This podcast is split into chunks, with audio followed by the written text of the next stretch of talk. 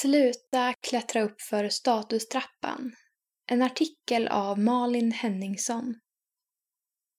Även om vi inte vill det så är vi alla påverkade av statustänkande. Vi värderar människor utifrån idéer om vad som är rätt eller coolt. Som personlighet, nätverk, utseende, klädsmak, utbildning eller hur fina böner man kan be. För det här finns även inom kyrkan. Men Gud uppmanar oss att på ett konkret sätt välta hela statustrappan och inte värdera vissa högre än andra. Den uppmaningen har mer än en gång omkullkastat slaveri och förtryck. Och på samma sätt får vi fundera på vilka tankar och beteenden vi behöver riva ner idag. Vilka har högst status i din klass? Jag tror att du utan problem kan nämna några med hög status. På samma sätt kan du nog också nämna någon eller några med låg status i klassen. För varenda dag i skolan finns statustänkandet där, precis som i resten av samhället. Överallt skapar vi statustrappor där vi placerar vissa överst, andra i mitten och några längre ner. Detta sker oftast ganska omedvetet och oreflekterat. Och de flesta håller nog med om att det där med status egentligen bara är trams. Status är ett påhitt för att värdera oss själva i relation till andra. Ett sökande efter att mätta vår inneboende hunger efter tillhörighet och värde. Genom att skapa kategoriseringar och ordnade fack blir vår tillvaro begriplig samtidigt som vi strävar efter att tillhöra de fack och kategorier som anses finast för tillfället.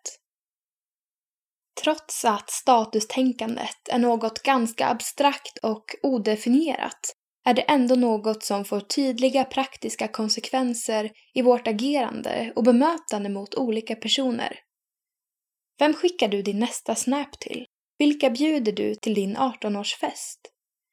Vilka ställer du frågor till vid bordet i skolmatsalen? Vilka du anser ha hög status är förmodligen olika beroende på sammanhang. Statusen mäts olika i skolan jämfört med på släktmiddagen, på fotbollsplanen eller på TikTok. Kyrkan är en del av problemet. Även i kyrkan kan vi se hur statustänkandet präglar gemenskapen bara med andra koder och statusmarkörer. Kanske det i din kyrka ger status att be med fina ord, sjunga med lyfta händer, kunna prata om sin tro öppet eller kunna sjunga fint. Kyrkan kan till och med ha ett eget klädmode. Inte för nedklätt och inga opassande tryck, utan ett visst stuk på kläderna för att passa in. Känner du igen dig? Jag hoppas inte det, för det är absolut inte det Gud vill ha. Gud har en annan vision. Gud visar på många sätt i Bibeln att det här med status absolut inte är hans grej. För det första skapar han alla människor till sin avbild. Det är ju fantastiskt. Det betyder att alla människor har ett enormt värde och det är alldeles överflödigt att försöka få högre värde genom att jämföra och klättra.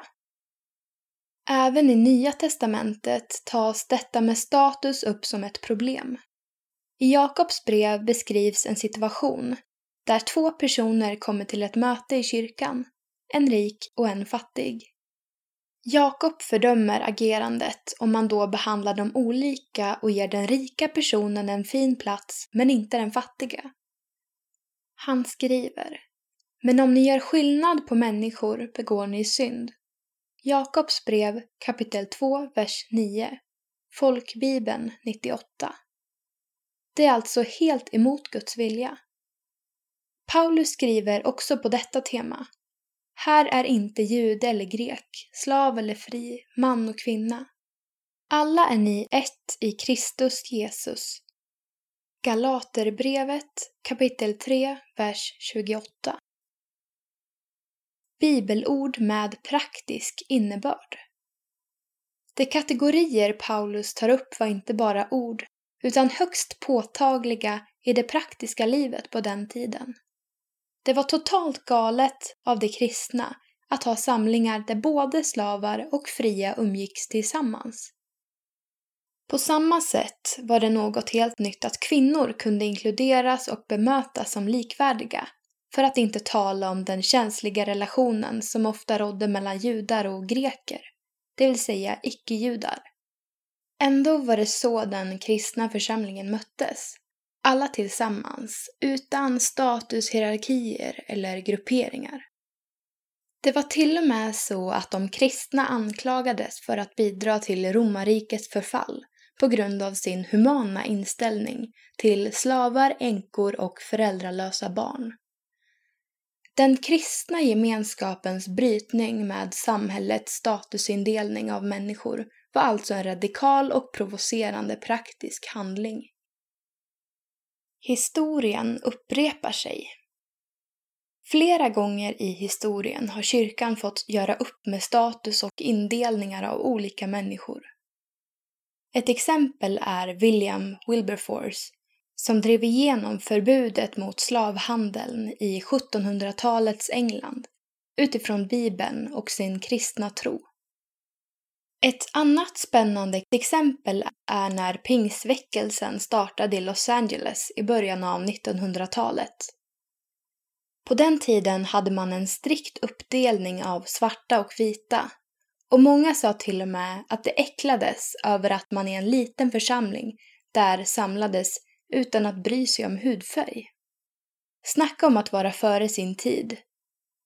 Tyvärr fick vita kristna personer som inte kunde släppa sin rasistiska hållning senare övertaget i väckelserörelsen och delade åter upp kyrkan i svarta och vita församlingar. I kyrkan har man alltså många gånger upptäckt Guds kallelse att bryta ner dessa hierarkier. Men också gång på gång byggt upp dessa murar igen. Utmaningen idag. Idag är status fortfarande ett problem, även om den inte är lagstiftad eller uttalad i vår del av världen. Det behövs inte. Statusjakten finns där ändå. Gud utmanar oss att våga bryta med idéer om att vissa utbildningar är finare än andra. Att vissa boenden, bilar, mobiler och prylar gör oss coolare än andra. Eller att ordvalen i våra böner kan värderas som olika bra. Detta tänkande är destruktivt och vi behöver omvända oss från det. Problemet är delvis att det inte är så enkelt att släppa statustänkandet eftersom det sker så automatiskt och omedvetet. Så hur gör man? En väldigt bra början är att bli medveten om att det här tänkandet finns. Fundera själv. Vilka tycker du har status eller inte har status i din omgivning? Vad är det som får dig att tänka så? Försök att göra upp med de underliggande kategorier som gör att vissa hamnar högt upp på statustrappan och andra längre ner. Nästa steg är att försöka göra aktiva handlingar som går åt andra hållet. Till exempel att gå fram till personer med låg status och prata med dem. Hellre än att söka uppmärksamhet från det populäraste. En annan viktig aspekt är att påminna sig om att status inte säger något om vårt värde. Vi har vårt värde i Gud och han älskar var och en av oss så mycket. Därför har du råd att sluta klättra upp för statustrappan. Du är älskad ändå.